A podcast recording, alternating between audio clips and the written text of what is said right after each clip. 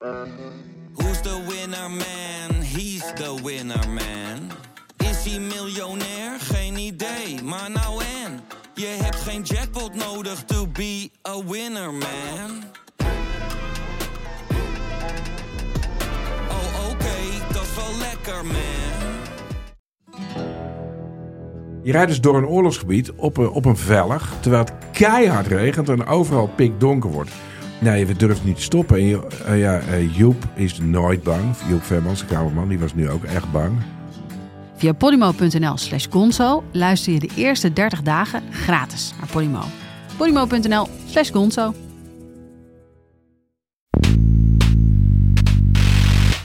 Er kwamen 111 inzendingen.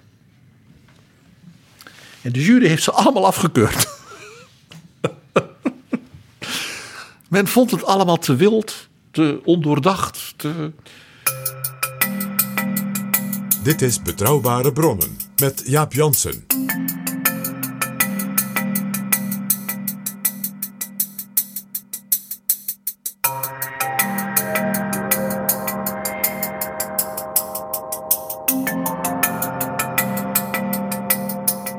Hallo, welkom in Betrouwbare Bronnen, aflevering 74. Bijna de laatste van het jaar, maar na deze volgt er nog één. PG, welkom. Dag Jaap. Waar gaan we het in deze bijna laatste aflevering van 2019 over hebben? We gaan het hebben over een tentoonstelling. Een tentoonstelling die heet Nooit gebouwd Den Haag. Ja, En die loopt op dit moment in het Haags Historisch Museum. Dat is om de hoek bij de Tweede Kamer op de Korte Vijverberg. in het prachtige 17e eeuwse klassicistische Doelengebouw. De Doelen, moet je denken, de Sint-Sebastiaansdoelen. De heilige Sebastiaan was natuurlijk in de middeleeuwen eh, de beschermheilige van de schutterij. Dus het was het hoofdkantoor van de schutterij van Den Haag. Dus zeg maar de politie en de bewakers van de openbare orde. Vandaar ook waarschijnlijk eh, dicht bij het Binnenhof, zodat alles goed in de gaten kon worden gehouden. Exact. Daar kun je dus die tentoonstelling zien. En er is ook nog een mooie catalogus, een boek aan verbonden, geschreven door Lex van Tilburg. Ja, dat is echt een juweel. Eh, het is een enorme pil. Het is betaalbaar ook nog. Het is schitterend geïllustreerd eh, met foto's, kaarten, oude prenten in kleur van alles wat ontworpen is voor Den Haag. De, de hofstad al in de middeleeuwen van graaf Albrecht van Beieren en daarna de stad waar de republiek geregeerd werd, daarna de hoofdstad van het koninkrijk. En in al die eeuwen heeft men de meest onwaarschijnlijke architectonische projecten gehad. Een enorme omwalling met forten en wat dan niet, nooit gebouwd. En zo tot en met deze tijd, denk het cultuurforumcentrum, dat ook wat, wat weer niet gebouwd werd. En dat, men heeft dus al die ontwerpen bij elkaar gebracht, ook met maquettes en alles. Het is smullen. Ja, we hebben het natuurlijk al wel eens over het Binnenhof gehad. Dat komt in dit boek ook uitgebreid aan de orde. Met allerlei onthullingen ook. Maar het boek is, is breder. Hè? Het gaat over, over heel Den Haag zoals we dat nu kennen Ja. en zoals dat vroeger was. Als ik je nou vertel, ik ga een paar dingen noemen van hoe had Den Haag er dus nu uit kunnen zien? Wat had er kunnen wezen waar je naartoe had gekund? Jaap Jansen en Pieter Gerrit Kroeger duiken in de politieke geschiedenis. Komend jaar in 2020 zou men in Scheveningen, in de Duinen, een groot festival, operafestival kunnen houden. Ter viering van de 150ste, 150 jaar première van Wagners Die Walküre. Want in 1910 had in, op die plek bij Scheveningen een door Berlage, de grote bouwmeester, ontworpen Wagnertheater gebouwd moeten worden. Dus een operahuis, helemaal conform de voorschriften van Richard Wagner. Zoals we dat kennen in Bayreuth. Ja, dat heeft hij toen helemaal zelf ontworpen. 1876 was daar de opening. Daar werd op de, de meest moderne theatertechniek eh, ontwikkeld. En Wagner was ook in dat opzicht een groot En, revolutionair. en dat gebouw was van hout. En dat was van hout. En, en Berlage, ze had dus als daar een ontwerp gemaakt in zeg maar, dus, eh, Jugendstil-stijl van net zo'n zaal met de allernieuwste technologie voor dus het uitvoeren van met name het werk van Richard Wagner. Het natuurlijk ook voor de vele Duitse badgasten uit de elite in Duitsland. die naar Scheveningen kwamen. natuurlijk een enorme extra attractie had moeten zijn. Ach, Dus vanuit de kuil naar het Wagner Theater. Ach ja, voor mij als Wagneriaan en opera-liefhebber het idee. Nou, dat ik dat niet als eerste doen. Maar bijvoorbeeld 2019, hè, dat, dit bijna voorbije jaar, was het eeuwfeest geweest van de opening van het Olympisch Stadion in Scheveningen. Het Olympisch Stadion, dat kennen we natuurlijk uit Amsterdam. Ja, maar er was dus een ontwerp voor in Den Haag bij Scheveningen. Want er werd blijkbaar gestreden tussen die twee steden. Ja, het idee was dat of in 24 of in 28 Den Haag eh, stad zou kunnen worden van de Olympiade. En bij Scheveningen, eh, de- met het strand en met het gezond. eh, dat was in die tijd eh, was dat ook zo'n mode van gezond leven en zo. Daar hoorde dus ook sport bij. En ook massasport. We hebben het echt over eh, de, de, de jaren na 1900. De massacultuur kwam. En in 1919 had er dus een Olympisch stadion met wel 50.000 stoelen geopend moeten zijn in de modernste, nieuwste ontwerpen. Dat is interessant, want ik herinner me uit de jaren 70 en 80 enorm gedoe altijd over hoe, wat gaan we met Scheveningen doen? Eh, wat gaan we rondom het koerhuis doen? Moet het koerhuis blijven of gaan we er iets anders mee doen? Eh, ze zijn er eigenlijk nooit goed uitgekomen. En nog steeds vind ik, als je daar bij het koerhuis aankomt met de tram, ja, dan weet je eigenlijk niet waar je naar binnen moet. Eh, dit is een van die merkwaardige dingen. Blijkt ook uit die catalogus. Er is bijvoorbeeld na de enorme verwoestingen in Scheveningen... door de, de aanleg van de Atlantikwal door de nazi's... en het helemaal deporteren van de bevolking en alles... Hè, eh, eh, is er dus al meteen na de bevrijding... een ontwerp gemaakt om een soort heel modern Amerikaans chique badplaats... voor zowel de chic als voor het massabezoek te ontwerpen... Door, met één architect die dus de oude delen van Scheveningen... Zeg maar, uit de 19e eeuw de Jugendstil... verpakte tot een compleet nieuw stadsding. Alleen ja, toen dacht men... zullen we eerst maar eens huizen maken voor alle mensen... die, die uitgebombardeerd zijn. En daarna maar eens denken aan Scheveningen. Ja, ja, dat staat ook in dat boek. En die hele moderne badplaats, daar zat zelfs een deel in wat nu supermodern zou zijn. Eh, namelijk appartementen die helemaal met mos en ander groen begroeid waren. Een soort plaggenhutten, maar dan met alle, van alle comfort eh, voorzien. Ook ehm, airconditioning en zo in die tijd natuurlijk helemaal nieuw zat er al in. Eh, maar het is nooit gebouwd. En helemaal groene economie. Eh, de man was, de ontwerper hiervan was zijn tijd, nou ten minste 75 jaar vooruit. Eh, dat, dat komen we meer tegen. Bijvoorbeeld, nu we toch over 75 jaar hebben.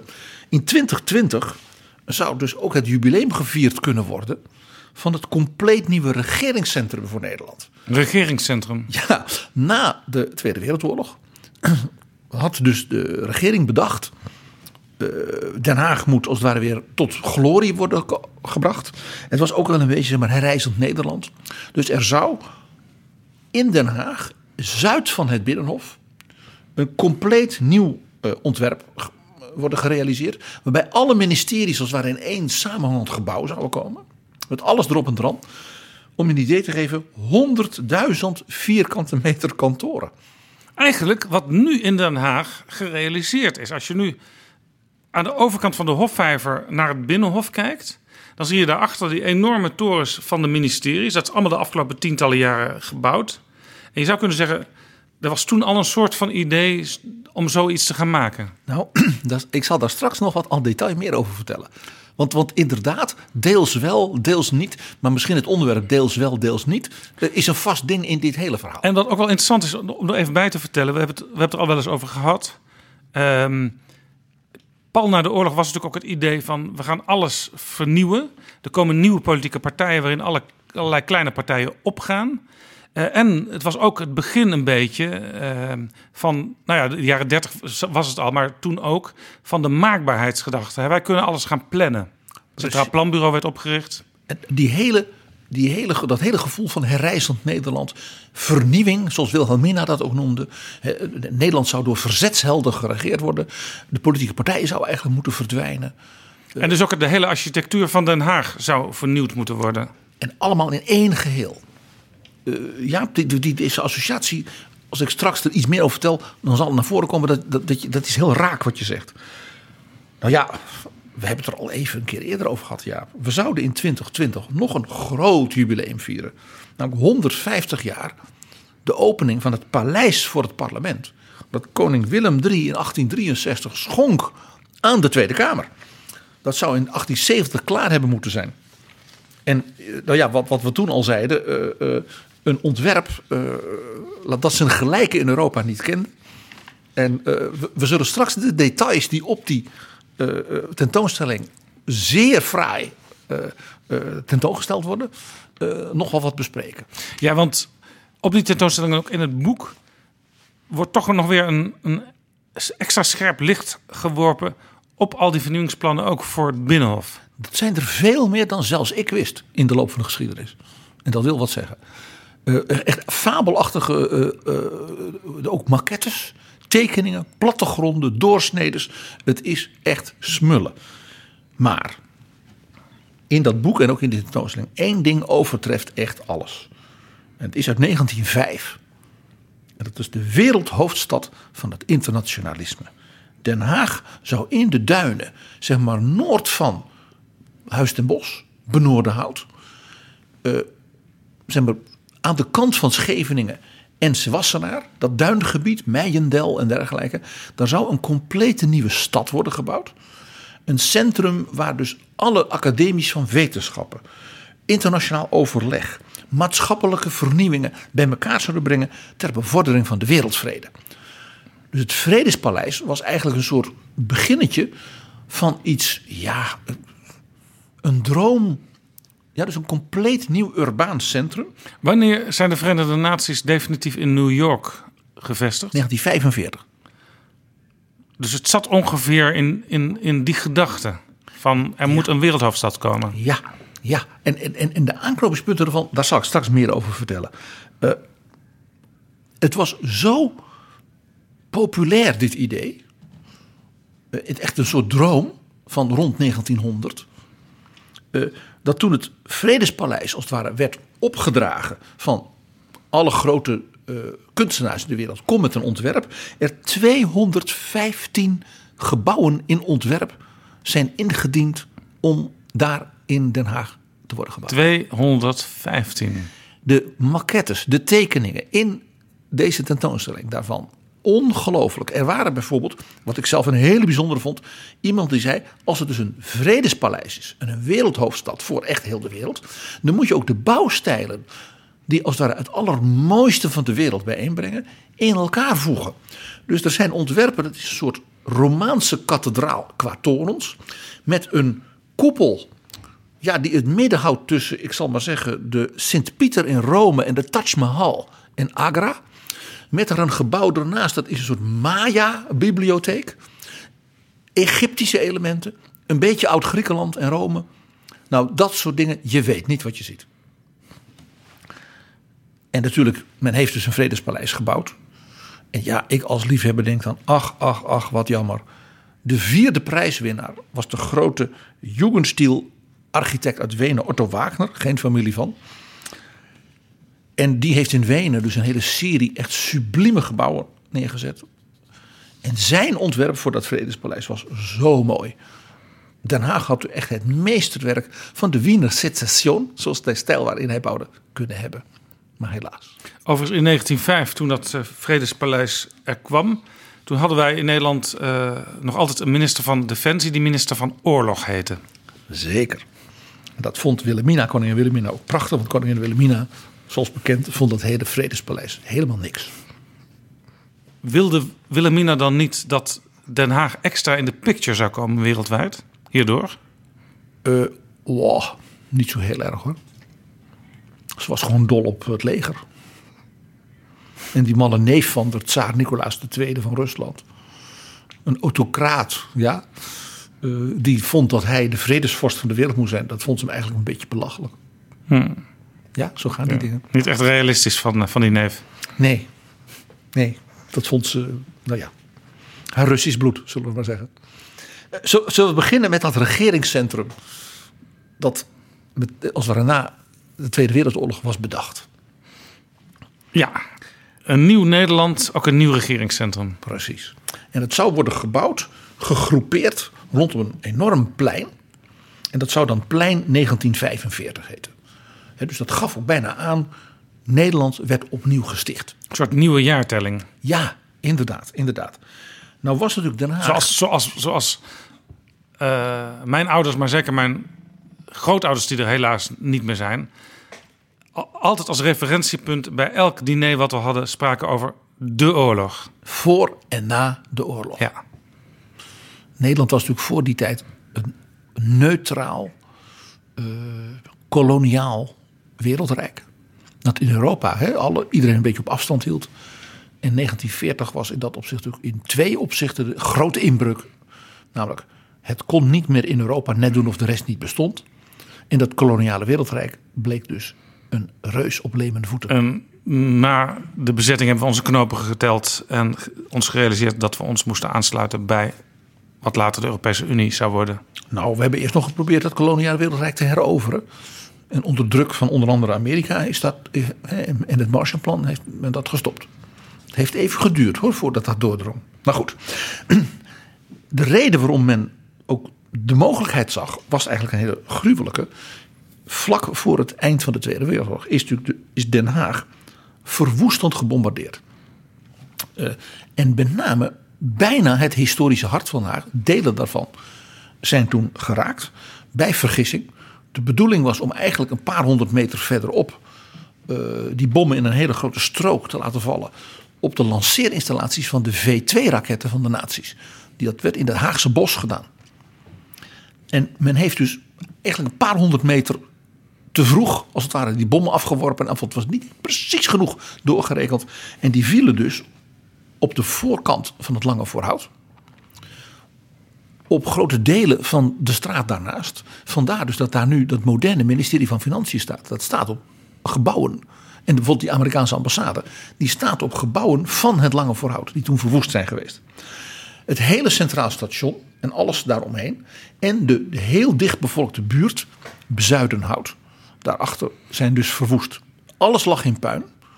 Vele honderden doden. Ook omdat nogal wat mensen die waren zeg maar, ge- geëvacueerd uit Scheveningen, het Statenkwartier en dergelijke vanwege de Atlantiekwal. Die waren dus ingekwartierd bij mensen in het Bezuidenhout. Dus in veel van die woningen woonden wel drie gezinnen. Ja.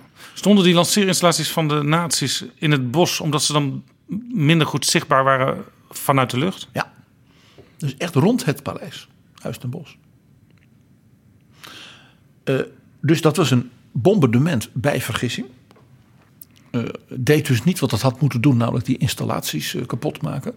Maar het had dus gruwelijke effecten voor die arme mensen. En voor dus een heel groot deel van de stad. Want dat ging ook allemaal in vlammen op. De regering zag na de bevrijding dit toch ook als een kans.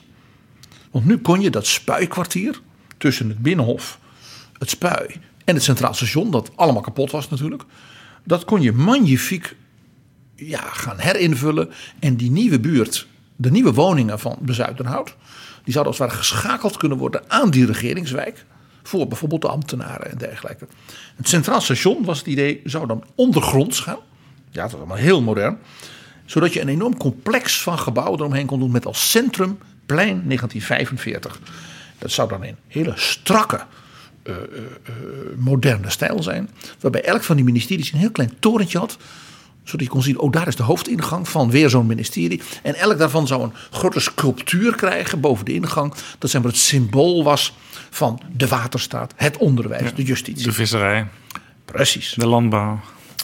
Kortom, een reusachtig complex. Eh, wat was het? 100.000 vierkante meter kantoren.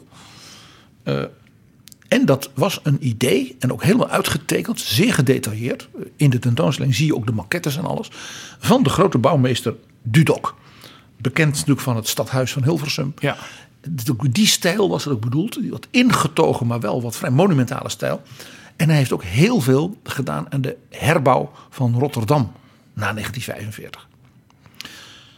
Hij had nog iets bedacht. Zo van, als je het nou goed doet en je maakt Den Haag weer een stad van allure, want dat wilde men, dan moet er ook een cultuurcentrum komen. We zijn weer terug bij dat Wagner Theater van Berlage. Die ideeën dat er iets bijzonders moest komen. Nou stond er natuurlijk al het gemeentemuseum van Berlage. Ja. Dat was als door een wonder eh, door de Tweede Wereldoorlog niet beschadigd. Dus, dus Berla, sorry. Dus Dudok die zei, we moeten eigenlijk bij dat gemeentemuseum en die hele boog daar eh, richting Scheveningen. Dat oude idee van Berlage, van een cultuurcentrum met een theater hè, voor Wagner en wat dan niet, alsnog doen. Den Haag moet een centrum worden van ook diplomatie en eh, cultuur. Dus er moet een congrescentrum komen. Het gemeentemuseum van Berlage staat al klaar, dat is een juweel. Eh, daar moet dus een groot theater, opera bij komen. Een schouwburg moet erbij komen. En dus ook allemaal in elkaars nabijheid. Eén geheel. Eén geheel. Bedudok zou dan voortbouwen op de stijl van zijn leermeester Berlage. Echt een, een, een, een enorm idee. Dus een, een, dus een regeringscentrum en even verderop, als naar een tweede zwaartepunt, het cultuurcentrum.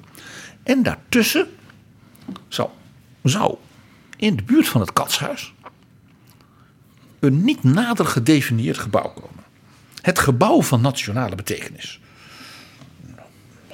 prachtig ontwerp met, met, met vleugels. Met daarvoor een enorme chique vijverpartij voor fonteinen. En daarachter een hele moderne landschapstuin. En iedereen in Den Haag wist, dat mocht je alleen niet zeggen, wat dat was. Wat was het? Het nieuwe paleis voor Juliana en Bernard als Wilhelmina dood zou zijn. Oh, daar heb ik er nooit, nog nooit over gehoord. Nee, het is heel, even die dingen die uit deze tentoonstelling ineens blijkt. Waarom is dat dan niet gebouwd, PG? ja, het werd niks, zullen we maar zeggen. Uh, eigenlijk ten eerste conceptueel. Uh, Dudok maakte eigenlijk een fout. Hij had die twee centra moeten omkeren. Hij had moeten zeggen dat nieuwe regeringscentrum. bouw dat nou rond het katshuis.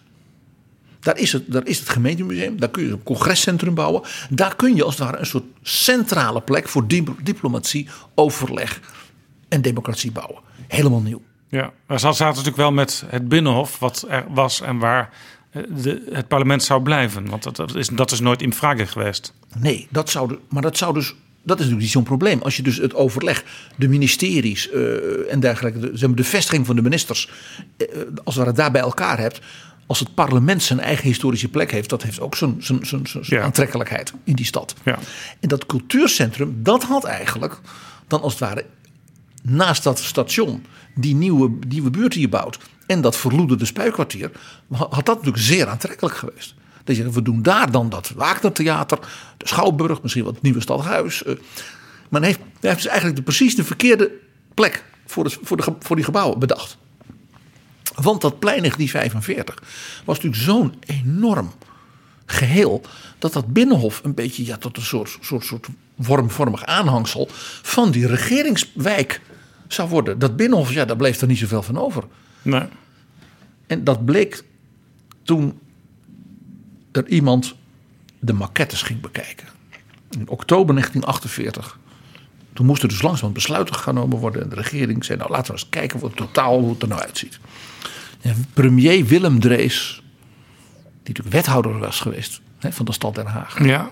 Die liep. Bekend om zijn spreekwoordelijke zuinigheid. Ja, en soberheid. En uh, het kon allemaal wel een beetje minder nog. En die liep daar dus. En als een plankje kraakt waar je overheen loopt, dan kraakt het over tien jaar nog steeds. Ja, en dus waarom zouden we het vervangen? We weten de beschrijving dat premier Drees keek, knikte en zei bijna niets. En liep weg. En toen dacht iedereen, nou, groot enthousiasme is niet gewekt bij de premier. En dat bleek ook zo, want hij zei ja. En daar hoorde je toch meer de wethouder dan de regeringsleider. Je kunt die gebouwen toch een beetje over de stad verspreiden. Dus in elke wijk wat. Dat is ook voor de mensen en voor de winkels daar wat leuker. En dat is ook niet zo duur. En er was nog een ander plan van de Rijksbouwmeester om al die ministeries Vanwege dat bombardement tegenover dat centraal station te bouwen. Dat dan ondergrond was en dan kon je het als het ware er bovenop zetten. Dat was toch ook goed? En je raadt het al. De maquettes stonden op instorten en het is nooit wat geworden. Ook dat cultuurcentrum niet. Het enige wel, dat congresgebouw. Dat is uiteindelijk op die plek gebouwd. Maar zonder dus die samenhang rond dat geel. En vandaar dat dat altijd een beetje een vreemd, vreemde eens in de weg Ja, en ook als je er omheen loopt, het is de, een, een enorme, enorm aantal kilometers als je er omheen loopt. Uh, maar dan had je inderdaad graag nog eens wat andere gebouwen gezien en ook, ook nog op andere dagen naar andere plekken willen kunnen gegaan zijn. Maar het is alleen maar dat grote congresgebouw wat daar is. Ja. En het heeft ook verder geen verbinding met bijvoorbeeld het gemeentemuseum. Het is, het is allemaal. Ja. Nou, eh, het ratje toe. Wat natuurlijk het eigenaardige toch van dat binnenhof is in die omgeving. bleef op die manier eigenlijk als traditie in stand. Dat idee van één samenhangend, coherent architectonisch meesterwerk. Niet dus. Nee. Ratje toe bleef ratje toe. De verloedering van het spuikkwartier ging door. Het Centraal Station ging niet ondergronds. Er is later een flatgebouw opgezet. Ook niet heel erg eh, aantrekkelijk allemaal. Het is een tochtgat. Nog altijd. Ja. Geen allure. Nee, en, en, en, en in de jaren 70, 80 weet ik nog dat er altijd discussie was over wat doen we met dat toch een beetje verloederde deel van Den Haag vlak naast het Binnenhof. En pas eigenlijk de laatste, nou ja, laten we zeggen 10, 15, 20 jaar is het volgebouwd en zijn er allerlei nieuwe gebouwen. En heeft men dus tussentijdse oplossingen. Zoals die torens voor Binnenlandse Zaken en Justitie en de Zwarte Madonna. Die zijn allemaal afgebroken. Want dat bleken dus, ja, conceptueel, architectonisch zat daar geen idee achter. Het, ook dat was een ratje toe. En eh, het is met name dus de, de Weense architect Rob Krier. Die met het idee van concentreren een aantal opvallende hoogbouwcomplexen. Waar die ministeries in kunnen. Die eigenlijk per ongeluk à la Dudok een soort eenheidsconcept heeft gemaakt. En het meest vermakelijke of ironische is dat dat cultuurcentrum. Dat Dudok dus als het ware bij het gemeentemuseum en het, eh, eh, eh, het katshuis, het landgoed Zorgvliet, wilde bouwen. Dat men dat nu in feite op de plek bouwt waar dat plein 1945 had moeten komen. Ja, want je hebt inderdaad het nieuwe cultuurcentrum in aanbouw. Je hebt ook al de filmzalen eromheen. Ja, en daar komt dus, daar gaat Je hebt de Schouwburg een eindje verder. Ja, je hebt dus, daar komt dus het Koninklijk Conservatorium samen met het Danstheater, het beroemde zaal van Rem Koolhaas. En een nieuwe concertzaal, de vervanging van de Anton Philipszaal voor het residentieorkest. Dus, dus op een bepaalde manier is dat, dat wat Dudok niet goed had gesnapt. Namelijk dat dat cultuurcentrum beter in de stad kon. En het regeringscentrum ergens anders. Nu heeft men ze eigenlijk die twee nog weer in elkaar geschoven. In dat opzicht is het net Amsterdam. Als ze het stadhuisontwerp en het operaontwerp gewoon Ja. in elkaar hebben Ja, geschoven. en dan noemen ze het Stopera. En dan noem je het Stopera, ja. Nou, we het toch over dat katshuis hebben. Daar zou dus een koninklijk paleis ineens zijn verschenen. Voor Bernard en Juliana. En dat kwam er niet. Maar zal ik je eens wat vertellen. Het was niet de eerste keer dat daar geen koninklijk paleis kwam. We gaan naar 1838. Kroonprins Willem was getrouwd met zijn Russische prinses. Hè, Annette, de lievelingszus van tsaar Alexander en tsaar Nicolaas. Die wij kennen als Anna Paulowna. Anna, de dochter van tsaar Paul, Pavlovna. Ja. En ja, die was natuurlijk Petersburg gewend. Ik bedoel, als er natuurlijk één stad Met zijn, is... met zijn brede grachten en zijn grote, imposante gebouwen. Hermitage en dan die enorme tsarenpaleizen, de buitenverblijven. Ja, Peterhof, Pavlovsk. eh, elke tsaar had zijn eigen paleis. Pavlovsk betekent Pauls paleis. En de Hermitage. En de. Hermitage en het Winterpaleis en het Zomerpaleis. Het, en natuurlijk hun grootmoeder, die ook Anna Paulona en die twee broers, de tsaar had opgevoed, was natuurlijk Catharina de Grote. Die had hen ja, stijl en eh, klasse en kunst en alles en regeren bijgebracht. Dus die arme Anna komt in dat Den Haag. En daar is niks. Dus er moest een paleis komen. Dus kroonprins Willem, die eh, als student in de Napoleontische tijd in Oxford had gestudeerd, was daar dol geworden op de nieuwste bouwstijl in Engeland, namelijk de neogotiek. Dus neo-middeleeuwse, met veel torentjes en Torentjes, kantelen en, ja. en details en spitsbogen. En dat was toen het nieuwste van het nieuwste. Denk aan de herbouw van het Engelse parlement na die vreselijke brand in 1834. Ja. Laten we zeggen iets heel anders dan de stijl van Dudok. Zeker, zeker, zeker. Maar dat is ook een eeuw later. Hè? Ja. Eh, eh, kroonprins Willem die kreeg in 1837 een enorme meevaller. Voor hem en zijn jonge vrouw. De erfenis van zijn moeder. Die was een prinses van Pruisen en zij was zeer vermogend. En met het geld daarvan kocht hij het hele gebied, landschap tussen het Noordeinde, dus Paleis Noordeinde in Den Haag, en de kust van Scheveningen. Dat is bijna, bijna half Den Haag, zou je, zou Dat je is kunnen nu, zeggen. nu, nu de, de, de tweede helft van Den Haag, Ja, inderdaad. Ja. En hij dacht, dat kan ik herontwerpen tot een soort landschapstuin. Die zou dan ook Willems Parkhof heten. En niet meer Zorgvliet, hè, naar het buiten van Jacob Katz, de minister-president en dichter. En daar kan ik dus een paleis bouwen en allemaal andere dingen die ik leuk vind. Dus hij ging tekeningen maken. En hij wou zoiets als het paleis in Windsor. Hè, dus iets Brits, iets uit zijn studentenjaren. Waar hij, en, en iets glorieus, wat natuurlijk zijn Ook vrouw grote muren. Annette enorm aansprak. Dus hij zocht een Britse architect. Een van de mannen die de renovatie en vooral ook modernisering in middeleeuwse stijl van het paleis van Windsor van koningin Victoria dus had, had geholpen doen. Dus niet de minste. En die heeft voor hem allemaal tekeningen gemaakt. In die tentoonstelling een fantastische selectie van de originele tekeningen van deze Brit. En van de door de prins hem als het ware nog opgedragen aanpassingen, verbeteringen. Dus je ziet als het ware een soort correspondentie tussen deze twee, nou ja, architectuurliefhebbers. Eh, eh, om een, het, en het werd steeds groter natuurlijk. Op een bepaald moment zie je dan een tekening, dan is er een, een soort ja, koepel. Dat je denkt, oh, dat is natuurlijk de kapel voor de Russisch-orthodoxe eh, paters.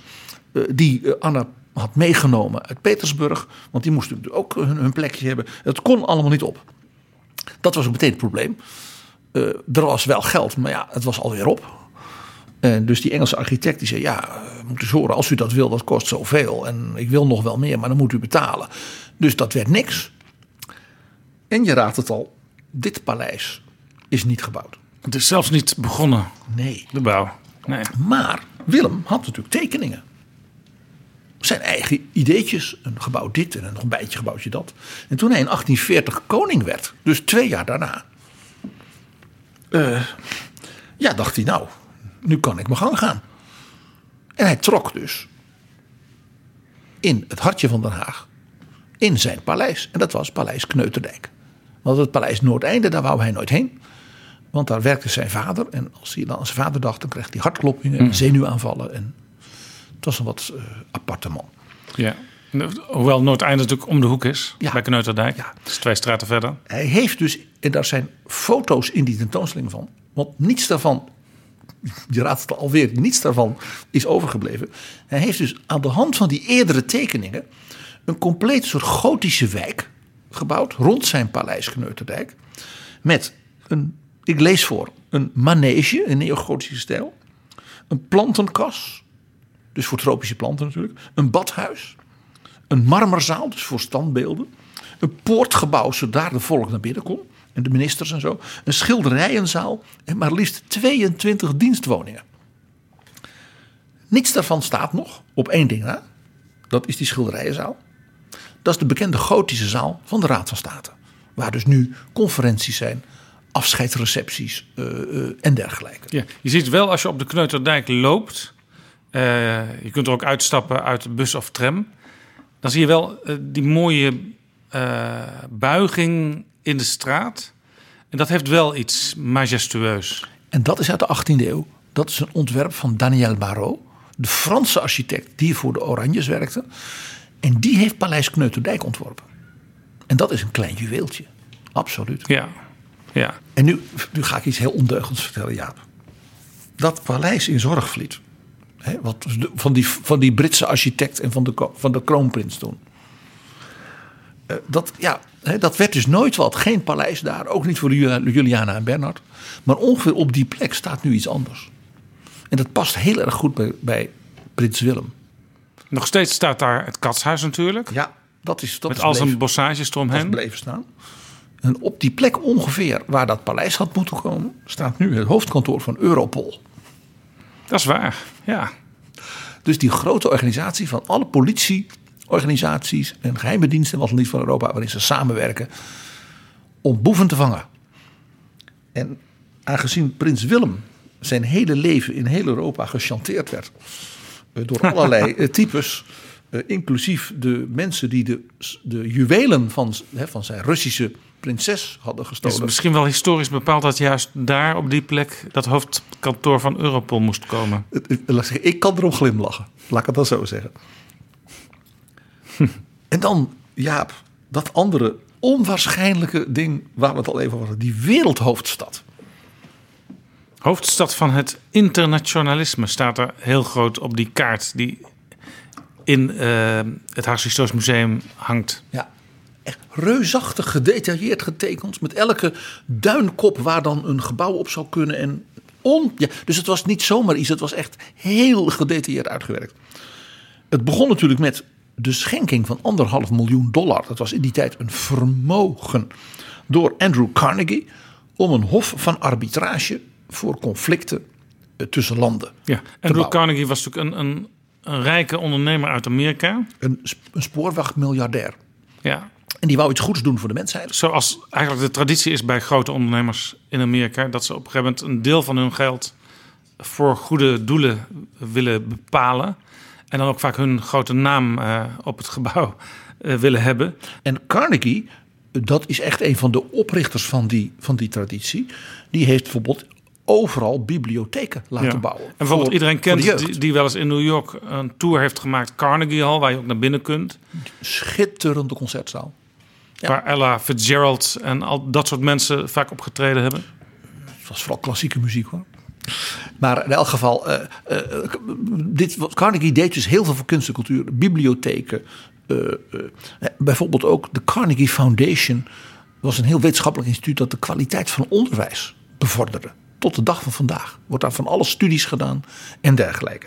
Nou, een van zijn ideeën was ook wereldvrede via arbitrage in plaats van oorlog.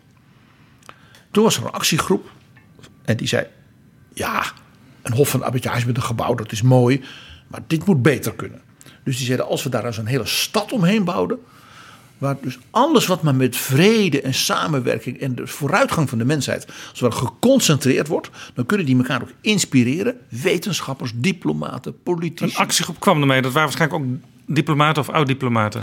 eh, wetenschappers, eh, ondernemers, eh, van alles wat. En die gaven dus een opdracht voor het ontwerp van zo'n stad. En de beroemde architect De Basel eh, heeft ook onder andere in Amsterdam Ja. voor die tijd hele moderne, mooie gebouwen neergezet. Op de, op het, Vij- op de Vijzel, weet je, op de Vijzelstraat. Precies, Het gebouw eh, van de bank. juist. En wat is nu ook eh, door het gemeentearchief wordt gebruikt. schitterend ontwerp. Nou, op die, op die ideeën, dat was toen dus heel modern. Dat, zat al, dat ging al richting Art Deco. Eh, eh, en hij was mede gegrepen ook door die actiegroep. Door een toen heel populaire soort filosofisch-religieuze stroming, de Theosofie. En die zei, dus die stad moet ook een ontwerp hebben conform de theosofische gedachten. Dus een organische vorm. Ja, dat moest een achthoek worden, een octogoon met kosmisch-geometrische lijnen, zodat al die lijnen als en de gedachten van de mensen ook allemaal bij elkaar kwamen in het centrum. En daar zou dus een enorm plein komen, 1500 hectare groot, met een heel groot gebouw. Daar is door Berlage nog een ontwerp voor gebouwd. En dat plein, zo heet het plein van de verbroedering der mensheid. Het plein van de verbroedering der mensheid. En dat gebouw zou dan het pantheon van de mensheid ko- worden. Dus alle grootste geesten van de mensheid zouden daar geëerd worden. In de tentoonstelling hebben ze een virtual reality. Dan mag je zo'n, krijg je zo'n bril op. En dan loop je echt door dat gebouw en door die wereldhoofdstad. En kijk je zelfs van boven naar dat gebouw. Nou, ik heb echt zitten genieten. Dat hadden we dus in Den Haag allemaal kunnen hebben, PG. Een tweede stad in feite. Als, als, als dat idee uit 1905, die tijd, als dat werkelijkheid was geworden. Dan hadden we dus een, alle internationale academies. Dus voor de medische wetenschap, voor de, voor de voedsel, voor eh, ingenieurskunde, voor eh, water, voor nou, sociologie. Die zouden allemaal, dus alle academische wetenschappen in de wereld zouden daar hun hoofdkwartier krijgen. Dat was het idee. Dan konden die mensen met elkaar praten en dan kwamen natuurlijk de beste ideeën uit. En het wereldbestuur zou daar komen. Dat kwam in 1899, was de zogenaamde Interparlementaire Unie opgericht. Dan zie je doordat de wereld toen met elkaar verknoopt was.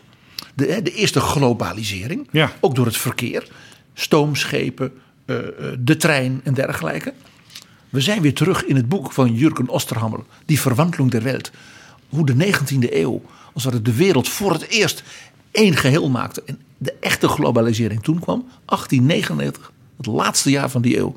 De oprichting van een soort wereldparlement. Ja, ook heel interessant dat eh, bijna zoals er eh, soms tegenwoordig ook gedacht wordt. eh, het land is af, de wereld is af. We moeten alleen nog een paar dingetjes doen. Dat was toen ook. We, we, we streven naar een perfecte wereld. En er moet een wereldhoofdstad komen, zodat we al die perfecties kunnen bespreken en nog perfecter kunnen maken. Ever closer zou je kunnen zeggen. Dit was dus het hoogtepunt van het mensheidsoptimisme. Dat door de wetenschap, technologie en ook door de liberale gedachte, de vrijheid, alles alleen maar beter zou worden. Ja, zo ook een beetje wat later eh, gezegd is. eh, de geschiedenis is voltooid. Iedereen is vredelievend. Fukuyama. Iedereen is liberaal. Iedereen denkt logisch en pragmatisch over de dingen na. En ook toen het optimisme van het menselijk vernuft. De wetenschap zorgt uiteindelijk dat alle wereldproblemen worden opgelost. Ja, dus dat, die interparlementaire unie zou als een soort proto-wereldregering daar gaan vergaderen. Met twee kamers, dat was allemaal, allemaal geregeld, dat waren in die tekeningen. Dus een soort tweede kamer voor de hele wereld. En dan een soort senaat voor de hele wereld, waar allemaal, zeg maar, alle grote staatslieden met elkaar de, de wereldvrede zouden bespreken. En ook echt voor die tijd, dat, dat wetenschapsoptimisme, maar ook zijn enge kant daarvan. Er zou nog een tweede stad, want ja, als je één stad bouwt, waarom dan niet nog een tweede? Eh, die zou er omheen worden gebouwd, als een soort schil. En die was voor de medewerkers en de arbeiders en de schoonmakers en de, hè, van deze wereldhoofdstad. Want ja, de mensen in die wereldhoofdstad moesten natuurlijk niet zelf hun spullen moeten opruimen. Hè? Dus daar was personeel voor nodig. Ja. En dat was heel goed, want dan kon je daar ook meteen allemaal experimenten met die mensen doen.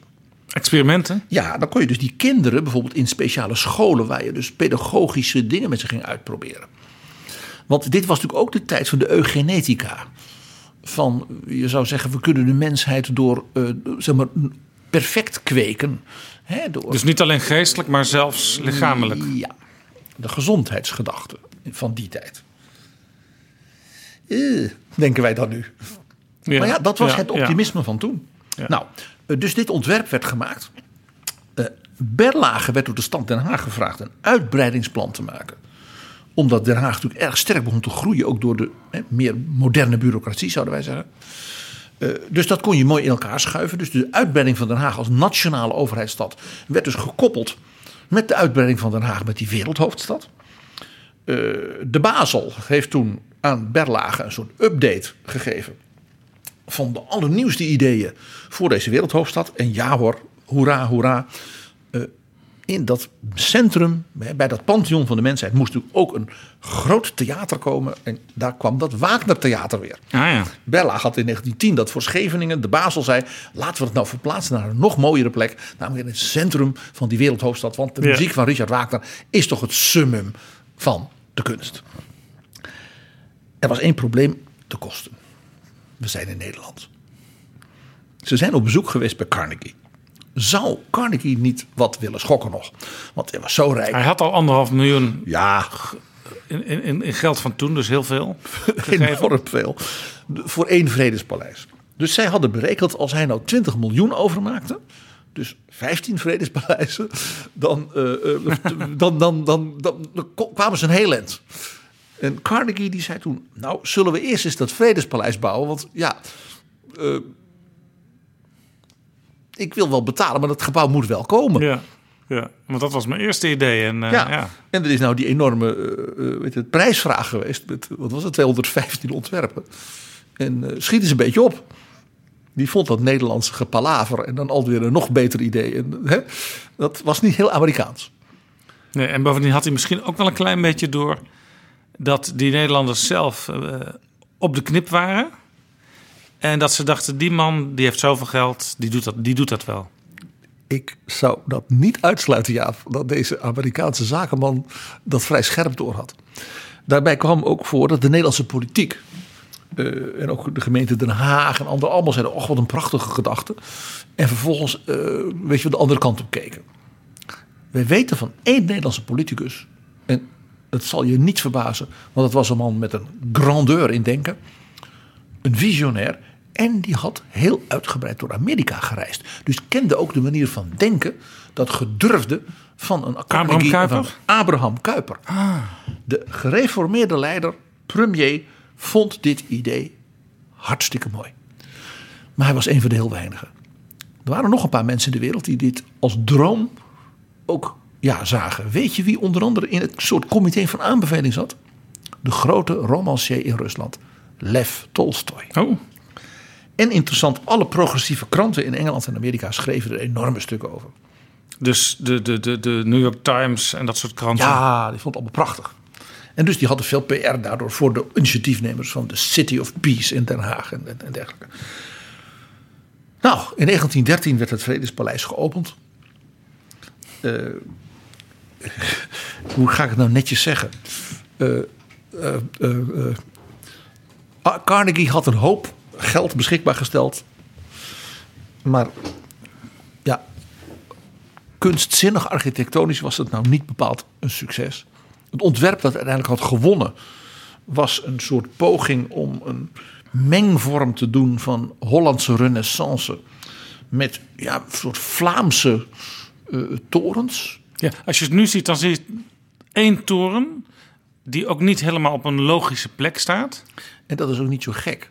Want oorspronkelijk zou het er vier zijn. Op elke hoeken van het complex één. Maar ja, het moest toch allemaal een beetje minder. Dus zelfs daar is op bespaard. Dus die ene toren bleef over. Als je dat dan legt naast die maquettes, die ontwerpen, die dus in die tentoonstelling te zien zijn. Nou, mijn hart bloedt dan hoor. Eh, maar niet alleen het mijne, de, de, zeker de jonge moderne architecten van 1913. Ik, ik ga je een paar teksten voorlezen wat ze over het gebouw zeiden. Alles wat oudbakken, duf, duf en versleten is, heeft men in Den Haag gebouwd. Men heeft voor heel veel geld een architecturaal misbaksel gecreëerd. 1913. Een jaar later werd Frans Ferdinand met zijn vrouw vermoord in Sarajevo. Ja. En begon de Eerste Wereldoorlog. En toen verdwenen alle, al die optimistische, eh, al die tamelijk megalomane ideeën, die verdwenen in het archief. Ja, En daar worden ze nu dus uitgehaald en in het Haagse Historisch Museum tentoongesteld. ga dat zien, ga dat zien. Maar Den Haag als stad van vrede en recht. Toch als dat idee, laten we dat hier met elkaar proberen. Ja, nou ja, dat is wat de huidige gemeente enorm propageert. Hè? Stad van vrede en recht. Heel veel dingen worden georganiseerd in dat kader. En jij zult mij niet kwalijk nemen dat ik de verbinding hiermee met burgemeester Wim Deetman van Den Haag, als minister mijn baas, die dat heeft opgepakt, dat ik dat toch wel weer heel mooi vind.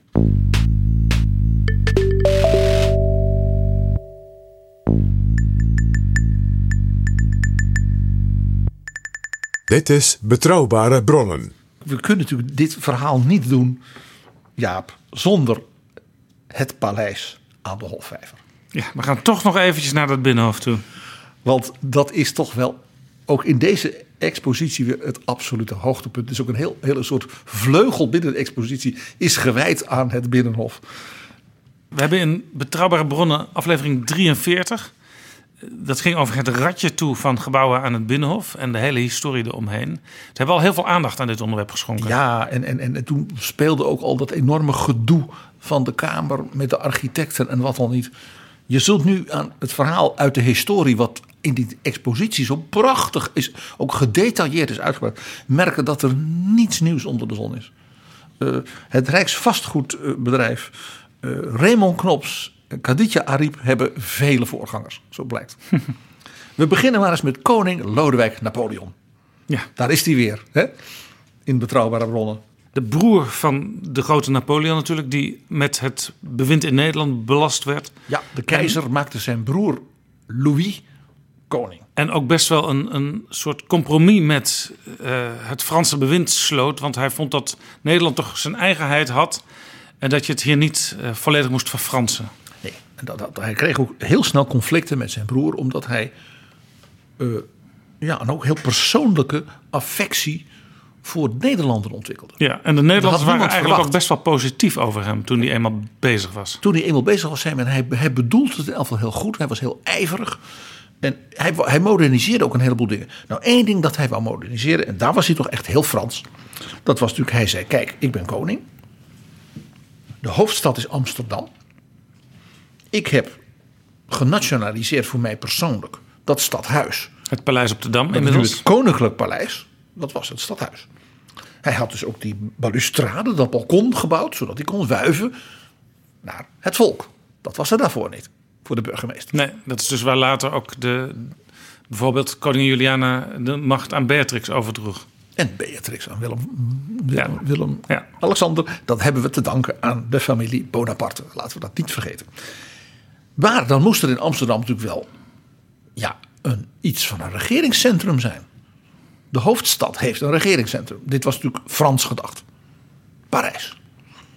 Dus hij zei, er moet een compleet nieuw ding in Amsterdam worden ontworpen. Misschien wel aan de rand van de stad. Daar zijn niet heel veel maar, concrete ontwerpen. Kunnen we misschien ook nog wel eens apart een, een aflevering aanwijden als we daar genoeg materiaal voor kunnen vinden? Nou, voorlopig is dat er niet, moet ik zeggen.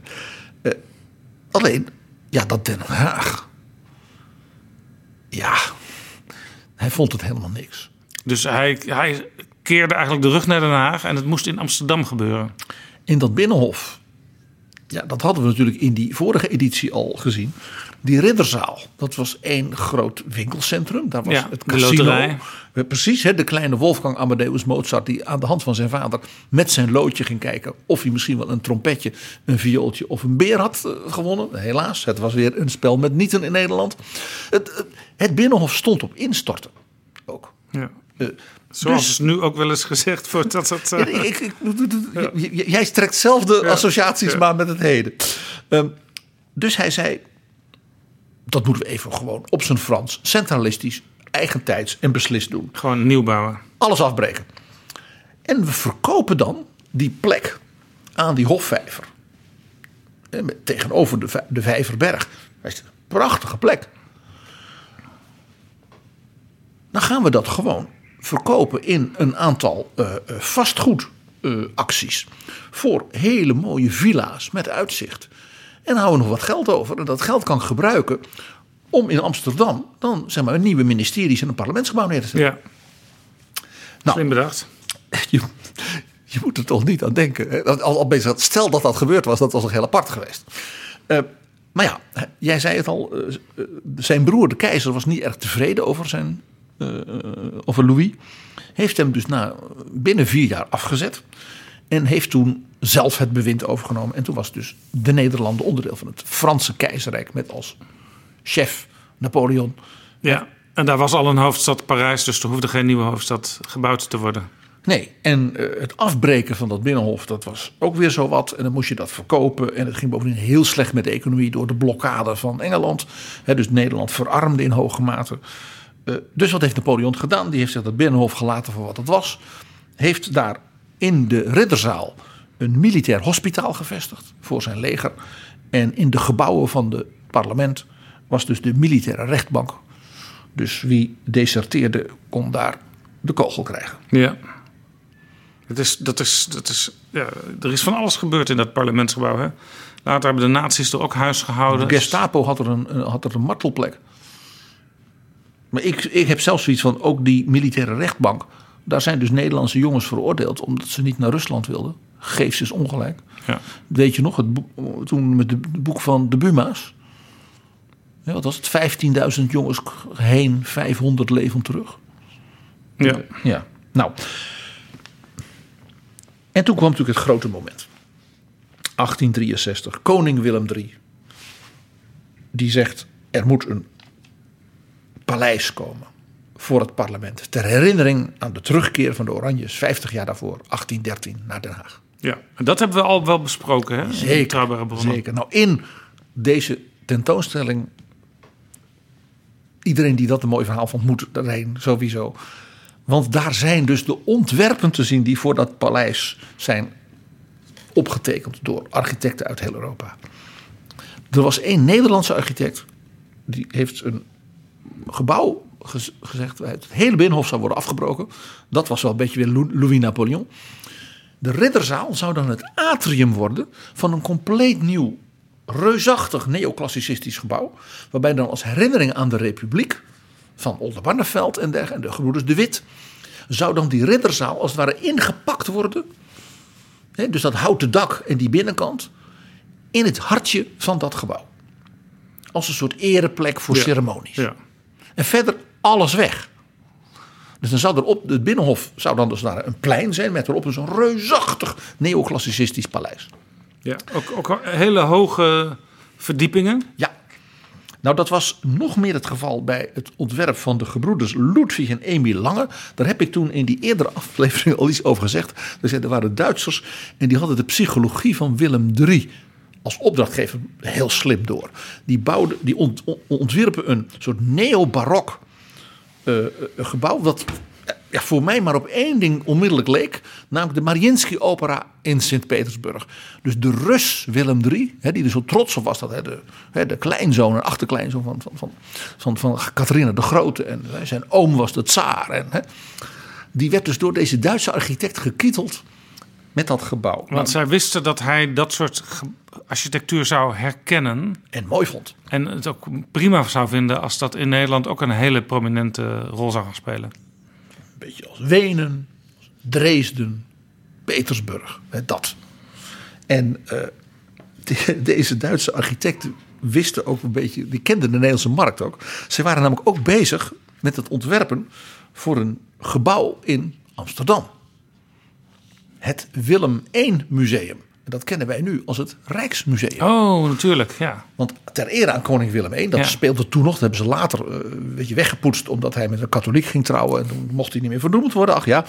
Maar toen was nog het idee, het Willem I museum, waarbij dus de collectie van de Oranjes en van alle anderen, dus de alle Rembrandts en eh, dergelijke, die zouden in dat nieuwe gebouw. En ook daar hadden die gebroeders Lange zo'n soort eh, reusachtig ontwerp voor. Probeer je even in te denken. Stel dat ze dus die opdrachten wel hadden gekregen. Dan zouden dus de twee misschien wel meest iconische gebouwen van dit land, het Rijksmuseum en eh, hè, het Binnenhof, van, dat zouden dus twee on steroids-achtige operagebouwen, want daar lijken ze het meest op, van deze twee Duitse broers zijn Ja, geweest. ja, het Rijksmuseum is nu natuurlijk ook wel groot, maar dat is door Kuipers ge- gebouwd. Hè? In een soort Hollandse renaissance-stijl. A- als je in die tentoonstelling kijkt naar dus de ontwerpen, dan zie je dat de hele Noordvleugel, zeg maar aan de Hofvijver, van het Binnenhof zou volledig worden afgebroken. Het torentje zou dan en het Mauritshuis zouden nog wel blijven Ja, bestaan. maar, zeg maar waar nu de Eerste Kamer zit, dat zou eh, totaal verdwenen zijn. Allemaal weg. En eh, eh, de- de- het Mauritshuis zou. En het torentje helemaal, dat zou een soort Lego-huisje zijn. Dat verdween helemaal. Ja, terwijl nu als je in het Mauritshuis zit, dat is eigenlijk dominanter dan de omgeving. Want het Mauritshuis is, behoort tot de, tot de absolute top van de 17e eeuwse architectuur. Dus dit ontwerp was ook in dat opzicht een beetje merkwaardig. Dat het, het, het overklaste in omvang en in hoogte en in, nou ja, ik zal maar zeggen, eh, grandeur. Echt alles in de omgeving. Het zou nu wel weer passen met al die hele hoge torens die er nu staan eh, erbij. Ja, het zou kunnen, het zou kunnen. Nou, eh, zoals we al toen in die vorige editie eh, bespraken, het werd allemaal niks. Torrebeke had helemaal niet veel behoefte om, hè, om, om er echt iets voor te doen. De prijsvraag mislukte. En nu hebben we een thema, ja. De prijsvraag mislukte. Want Oh ja. dit gebeurde vaker. In 1920, vanwege natuurlijk het algemeen kiesrecht, ook voor vrouwen, werd bedacht: er moest iets nieuws komen voor het parlement. We zijn dan dus inmiddels 50 jaar na dat het niks werd met de plannen van koning Willem III. Nee, 1920. In die tussentijd had men dus hier en daar een verbouwingje gepleegd en dit en dat. Maar het Binnenhof was nu nog steeds een bouwvallige rommelboy. Ja. Dus er werd bedacht, we gaan een nieuw gebouw neerzetten.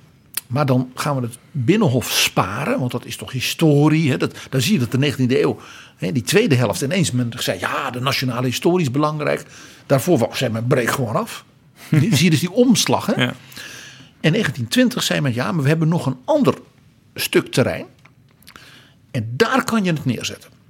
En dat was zeg maar het gat eh, tussen het Kamergebouw, zoals het nu is, en het spui waar nu het stadhuis staat. Dus zeg maar waar al die lelijke, tenminste wat mij betreft, lelijke winkels als Primark. eh, Er is ook een Kentucky Fried Chicken, een casino zelfs. Het is echt al een beetje wat je in, in een doorsnee stad in, eh, ja, laten we zeggen, in een soort zijstraat hebt. Of in de stationsbuurt. Eh, Nederland is het enige land waarbij het parlement je dat soort gebouwen er meteen naast hebt. Er tegenover heb je dus een hele grote McDonald's aan het buitenhof. Ja, dat is Nederland. Ja, Burger King. Ja, nou, eh, in ieder geval dat stukje zou dan worden afgebroken. Hè, toen was er dus nog geen Kentucky Fried Chicken in 1920. En Rijksbouwmeester Knuttel, die wilde iets groots neerzetten. En die zei, we moeten wel veel ruimte hebben. Dus die, we moeten de hoogte in. Dus die kwam met een ontwerp met een toren in Art Deco-stijl. Doet een beetje denken aan Radio Kootwijk. Oh ja. Alleen deze de toren Veluwe. zou z- 100 meter hoog worden. Dus dat is zo hoog als de Domtoren in Utrecht. Maar nou niet in gotische, maar in Art Deco-stijl. Dan zou je een heel groot deel van Nederland vanaf de top kunnen bezien.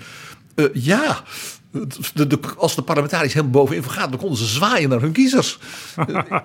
Je begrijpt, dat zou natuurlijk alles in Den Haag eromheen en zeker ook het Binnenhof volkomen De, verpulveren kie- de kiezers in Utrecht die zouden dan ook nog hun parlementariërs... eh, ja. Er, vanaf de wa- Dom. er waren ook nog wat andere ontwerpen, die waren allemaal wat, wat, wat, wat kleiner, maar die, die, die hadden niet veel, niet veel allure. En het kabinet eh, moest het beslissen. En ja, toen zagen ze het prijskaartje, 6 miljoen gulden. En de minister van Binnenlandse Zaken van dat kabinet die zei, nou, ik heb nog eens rondgekeken. We kunnen voor een veel kleiner bedrag nog wat extra interne verbouwingen doen. En een beetje een renovatietje hier en een kantoorplekje daar. En dan hebben we genoeg. Eigenlijk wat, wat ook bij de renovatie, althans de nieuwbouw van de Tweede Kamer uiteindelijk ook een beetje zo was eh, destijds. Niks slopen, maar alles een beetje met elkaar verbinden en we zijn weer klaar. Ja. En vooral geen eigentijdse gedachten. Want er kwam weer een prijsvraag. Nou, die van 1977, 78. Oh ja, dit gaat al een beetje naar wat ik, wat ik net noemde. Ja, ja, toen. ja, ja, ja, ja. ja. Eh, die doet allereerst denken aan het Vredespaleis. Want eh, dit was echt een ding. eh, van we kunnen nu echt iets moois gaan doen. En alle jonge architecten uit de hele wereld die zeiden: we gaan voor The Netherlands iets spannends neerzetten. Die plek met historische dingen en, en dat heeft iets. En Nederland was hip, en Nederland was progressief, en Nederland was. Hè? De laatste jaren van het kabinet Den Uyl was dat. Eerst jaren van het kabinet van acht. Er kwamen 111 inzendingen. En de jury heeft ze allemaal afgekeurd. Men vond het allemaal te wild, te ondoordacht, te. Nou ja, alles afkeuren. Waren dat dan, dan, conservatieve architecten die in die jury zaten? Nou ja, het was een beetje van alles wat. En ze hebben toen besloten, 11 van de 111, dat is natuurlijk helemaal geen toeval, eh, een soort eh, ja, schouderklopje te geven van we vinden dit een interessant ontwerp. En, nou, er ontstond. En we een- willen eigenlijk op basis van die elf wel verder misschien denken. verder kijken, maar misschien ook niet. En toen ontstond er in de pers, ook in de cult- culturele pers en dergelijke, een enorme toestand. Want internationaal werd gezegd, er is één ontwerp van de 111. Die zat wel bij die 11 eh, zeg maar, gepremieerden. Die springt er in alle opzichten uit. Dat is zo gedurfd en zo spannend en zo boeiend. En daar, is echt, daar zit zo'n goed idee achter. En dat was van de jonge architect Rem Koolhaas. hey, dat is interessant, want dat is dus de man van hetzelfde architectenbureau. Wat nu de renovatie van het parlementsgebouw van de Tweede Kamer zou gaan doen. Maar dat uiteindelijk toch op een zijspoor is beland. Ja, Nu in 2019. Ja, en dus in 78 was het ontwerp van de, zeg maar, de chef van dat kantoor, OMA, was dus eh, internationaal bejubeld. Wat deed hij namelijk? Hij deed iets heel, ja, heel, heel interessants. Die zei, het idee dat waarschijnlijk achter die prijsvraag zit. Maak nou een gebouw dat een beetje past, een beetje moderne stijl, maar wel past in ongeveer wat het nu is zodat alles een beetje blijft zoals het is. En zei, dat klopt helemaal niet als je naar de geschiedenis kijkt. Er is voortdurend in elke eeuw weer iets afgebroken en dan weer een nieuw ding neerzetten dat helemaal niet bij paste. En in de 19e eeuw hebben ze de hele ridderzaal. Het is helemaal geen integraal systeem, dat Binnenhof. Elke eeuw heeft er een heel eigen ding. Die balzaal, hè, waar de, de, de kleine Mozart ineens muziek ging spelen. Nou, die paste helemaal niet bij eh, eh, zeg maar dat eerste kamergebouw met zijn 17e eeuwse plafondschilderingen. De rolzaal uit de 13e eeuw, eh, ja, Albrecht van Beieren. Nou, dus Koolhaas zei, de 20e eeuw moet zijn eigen zichtbare, als het ware, inbreuk weer hebben op dat complex. Want dat complex wordt daar spannender, boeiender en ook eigenlijk permanenter door. En je wordt je ook meer bewust dan, als je er doorheen loopt, dat je door de eeuwen wandelt. Dus hij kwam met het idee om twee bijna soort haakse, slanke, soort glazen eh, ja, flatgebouwen, als we schuin in dat complex te laten gaan, precies boven zijn we de balzaal. Want dat gedeelte kon wel weg. Dat was dat hotel, wat toch niet meer gebruikt werd. En hij heeft dus die, de, vierkante meters zo als het ware in elkaar ge- ge- geschoven. dat je daar een soort pijl van glas in dat complex kreeg. En eigenlijk de architectenwereld, de kunstwereld zei: het is wel gedurfd. En hier zit een idee achter. En het ziet, er, het ziet er ook wel heel knap en mooi uit. Als je houdt van moderne 20e eeuwse Ja, bouwkunst. ik heb wel eens eh, tekeningen van gezien eh, bij, bij, vorige, eh, bij die vorige aflevering van Betrouwbare Bronnen. een beetje opgezocht op internet. Dat was een, vond ik niet een hele mooie tekening. Maar ik zie nu eigenlijk bij deze tentoonstelling een veel betere tekening. Namelijk de tekening zoals die toen ook door de architect ingeleverd is. En er is zelfs een soort fotoconstructie gemaakt van zo gaat het eruit zien. En je ziet dus inderdaad een, ja, een soort plat flatgebouw. Niet, een- niet, heel, niet heel bijzonder van een afstand, maar Met als aan je de voorkant komt... een toren in moderne stijl die een echo is van de toren uit de 16e eeuw. Waar prins Maurits woonde, waar je ook die prachtige kamer van Mary Stuart hebt. Ja, en die is weer meer een soort vier, vierkante toren. Ja, dat was dit ook. En het interessante is die, dat, die, dat die hele flat, daar zouden eigenlijk alle parlementariërs met hun medewerkers in komen. Dus heel, de huisvesting was in één keer, dat probleem was in één keer opgelost. En in dat, die, meer die vierkante toren, eh, dat zou eh, opvang zijn voor publiek, wat ook naar de plenaire zaal zou gaan. Maar ook bijvoorbeeld de media zouden daarin gehuisvest worden. Nou, kortom, hij had het als ware geconcentreerd. Waardoor er ruimte in die andere delen van het Binnenhof over, overbleef voor andere functies. En je dus ook het beter kon restaureren in historische stijl. Want hij was dus niet tegen dat historisch Binnenhof. Hij zei, we gaan de historie van het Binnenhof een eeuw, namelijk vanuit de 20e eeuw, weer iets verrijken. Ja, ja, en kantoorruimte, wat natuurlijk vaak recht toe recht aan is, dat zou gewoon in dat nieuwe gebouw komen. En dus, dus kon je mooie dingen doen met de oudbouw. Ja, dus je kon een soort combinatie doen.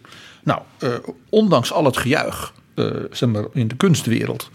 eh, werd ook het Koolhaasplan niet als alsnog gekozen. En men kwam toen met een vervolgprijsvraag. Typisch Nederlands, de vorige prijsvraag was mislukt. Dus wat doen we dan? Opnieuw een prijsvraag. Alleen die was natuurlijk helemaal doorgestoken kaart. Want toen heeft men iets van vier architectenbureaus uitgenodigd... die ofwel al iets hadden gedaan, dan wel eh, nog niet iets hadden gedaan. En een van die vier was niet Koolhaas. Dus dat leidde tot groot gedoe. En toen won het ontwerp van de architect Pieter Bruin.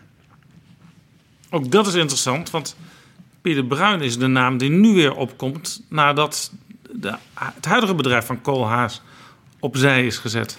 Ja, en Pieter Bruin was De toen, geschiedenis herhaalt zich dus. ja, Pieter Bruin was toen in de 30. We zijn 20 jaar, we zijn 40 jaar verder. We zijn 40 jaar verder. Hij won dat, die prijsvraag. Maar over zijn ontwerp ontstond meteen, je raadt het al, gedoe. De gemeente Den Haag vond het afschuwelijk, kolossaal ingrijpend, eenzijdig van als ontwerp en een gevaar voor de historische omgeving. In de kunstwereld zei men nog iets anders. Die zeiden: dit is plagiaat. Het is gewoon dat ding van Koolhaas. Alleen dat glas heeft nu minder kleuren. Maar verder is het dus weer zo'n soort, soort gebouw dat in dat, als het ware, binnendringt. Ja? Met dat torentje. Het is gewoon het verhaal van Koolhaas. Waarop eh, Pieter Bruin zei: Ja, dat ontwerp van Koolhaas, dat is natuurlijk niet voor niks zo geprezen. Dat heeft mij inderdaad enorm geïnspireerd. Met andere woorden, waarom kon Koolhaas dat dan zelf niet uitvoeren? Eh, ja, de jury besloot, je raadt het al, ook dit ontwerp af te wijzen. Want de bezwaren van de gemeente Den Haag en het plagiaatpunt, die waren toch wel een beetje pijnlijk. Ook voor de jury, dat de jury dat blijkbaar dus niet had aangevoeld. Maar ja, er moest echt iets gebeuren. We waren inmiddels in 1980. Dus toen zeiden ze, nou, Pieter Bruin, we geven hem wel de opdracht om iets nieuws te bouwen, maar dan moet hij zijn bestaande ontwerp maar een beetje aanpassen. En dat is gebeurd. Dus Pieter Bruin had, was, had dus misschien niet eens zoveel eigen gedachten toen hij dat oorspronkelijk ontwerp indiende. En hij was ook vrij makkelijk achteraf gezien, denk ik, bereid om een beetje u vraagt en wij draaien te plegen. Uh, dat, je zegt dat wel heel bruut, maar het is wel de conclusie die als je in dat boek die catalogus leest, ja, de, de, de, auteur zegt van ja, het, het, opmerkelijkste van wat er nu staat van Pieter Bruin is dat het in bijna alle opzichten iets totaal anders is dan het plan wat hij indiende en dat het in ieder geval geen paleis is en geen architectuur waarvan je denkt ja, wat toch eigenlijk de bedoeling was. En we zijn dus nu, jij zei het al, 40 jaar verder. En er staat nu een uitgewoond. Eh, een beetje bouwvallig en volgens sommigen zelfs brandgevaarlijk. Nou ja, volgens sommigen niet, niet eerst de beste, de brandweercommandant van Den Haag. Uh, heeft een paar jaar geleden al een brief geschreven. Ja. Ja. Ik verwacht dat het parlement, ik geloof dat het toen binnen een half jaar hier zijn hielen ligt. Want we moeten het echt gaan verbeteren. Anders kan ik niet meer voor de veiligheid van de mensen die daar wonen en werken instaan. En zelfs premier Rutte die had onlangs ontdekt dat het dak van zijn torentje zodanig onder de mos en de uh, ongedierte en andere dingen zat dat uh, zijn oorspronkelijke idee dat er alleen wat stekkerdozen moesten worden vervangen, dat hij dat kon schudden. Ja, overigens is mos op het dak tegenwoordig weer heel modern. ja, deze tentoonstelling, je zal het wel begrepen hebben. Ik, ik begrijp het ook aan jou, want je hebt die catalogus ook met genot doorgebladerd. Zeker is zeer inspirerend. Dus ga er allemaal heen als uh, luisteraars van Betrouwbare Bronnen.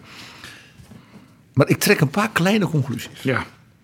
Ten eerste, wat nou opvalt vanaf dus die 16e eeuwse omwalling van Den Haag met al die forten, gedetailleerd uitgetekend, tot en met Pieter Bruin, die ja, uh, Koolhaas natekent en dan, nou ja, dan doe ik maar iets anders als je het zou kunnen samenvatten, de, de architectonische geschiedenis van Den Haag, dan is dat net niet. Het is al door net niet. Dat is wel heel opvallend. Uh, dus een detail. Men heeft eindeloos geworsteld met een nieuw stadhuis voor Den Haag. Toen was er in de jaren 30 een ontwerp van meneer Loetsman. En daarvan zei iedereen prachtig. Er was bovendien een grote kazerne in Den Haag afgebrand. En net, werd niet meer gebruikt door het leger. Dus er was plaats. Dus daar kon het gebouwd worden. En wat hebben ze gedaan na de oorlog? Ze hebben de helft van dat gebouw neergezet, namelijk het kantorendeel. De andere helft was geen geld meer voor. Bovendien de bewoners van dat stukje verderop die gingen bezwaar maken. Dus het gedeelte waar de raadzaal zou komen met een ontvangstgedeelte, ook voor ceremonies en een toren en voor de burgerij, dat is nooit gebouwd. Dus, dus een half kantoordeel. En dat is natuurlijk, je raadt het al, in de jaren tachtig weer afgebroken. Het is allemaal net niet. En ook dat gedoe met die prijsvragen. Uh, ja. Ik zou zeggen, maak er toch een feest van. Dat Binnenhof is dus nu ja, al vanaf de 13e eeuw. Elke eeuw heeft er dat was het visionaire van Koolhaas. Elke eeuw heeft zijn eigen stukje erbij. Waardoor je iets herkent van de mensen van toen. De stijl van toen. De architectuur van toen. Dat is dus niet voor de eeuwigheid. Grappig genoeg toch weer wel, want het blijft bij elkaar als complex. Maak dus van die verbouwing in plaats van het eindeloze gezeur. Ja, maak er een beetje een feest van. Van wij doen al eeuwen met elkaar, proberen we er iets van te maken. En zelfs dat dat onvolmaakt is, maar elke keer gaan we weer een stapje met elkaar door. Dat zie je in die gebouwen. Ik doe wel eens rondleidingen voor studenten en wat dan niet. Langs die gebouwen. En dan hou ik ongeveer dit verhaal. Laat ik ook die verschillende dingen zien. die plek waar dan Oldenbarneveld is begraven. En we hebben ze die kapel gewoon afgebroken. En altijd is de conclusie. Wat is dit boeiend. Ik doe het ook voor buitenlandse groepen. Die zeggen allemaal. Wat is dit boeiend. Geen parlementscomplex in de wereld is zo complex. Heeft zoveel kleine dingen grote dingen, bijzondere dingen uh, in kunst en cultuur en in historie. Dus ik heb zoiets, maak er een feest van in plaats van dat eindeloze gezeur. En ja, al die kleine feestjes die ooit gepland waren en die niet doorgingen, die zijn dus te zien in het Haagse Historisch Museum. Die tentoonstelling die loopt tot 22 maart 2020. En je kunt erin alle dagen van de week, behalve op maandag. En als je een museumkaart hebt, dan kun je er nog gratis in ook. En er is dus een mooi boek bij verschenen, een catalogus, maar het is een pagina of 300 met heel veel mooie tekeningen, vooral enkele foto's ook. Maquettes. En je ziet eh, alles kaarten. Het is wat ooit bedacht was, maar nooit gebouwd is. een complete Bijlmermeer midden in Den Haag. Het volledig afbreken van de Schildersbuurt. Met diezelfde optimistische... Allemaal flats in de Ja, Schilderswijk, hè? Ja, met, met, met draagbruggen. En dan de auto's werden dan in een soort glazen etalages geparkeerd. Want die auto was natuurlijk het symbool van de komende welvaart. Maak er nou toch een feest van als je de democratie weer een nieuw huis geeft. Zeker als we dan weten dat het onderdeel daarvan is die zoektocht naar Oldenbarneveld. Die dit jaar hè, zo is herdacht. En van wat het zo mooi zou zijn als deze grote staatsman toch eindelijk dan de plek krijgt voor zijn gebeente die hem toekomt. Den Haag in al zijn lelijkheid heeft dus ook heel veel schoons achter en vooral ook in die muren die je ziet daar. En ook dus in de ideeën en dromen van het Den Haag dat nooit is gebouwd. Dankjewel, PG. Dankjewel Jaap.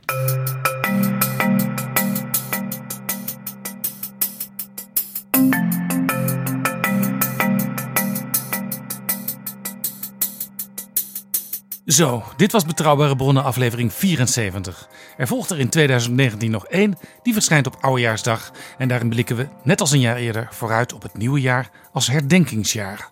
Tot dan! Betrouwbare bronnen wordt gemaakt door Jaap Jansen in samenwerking met dag en nacht.nl.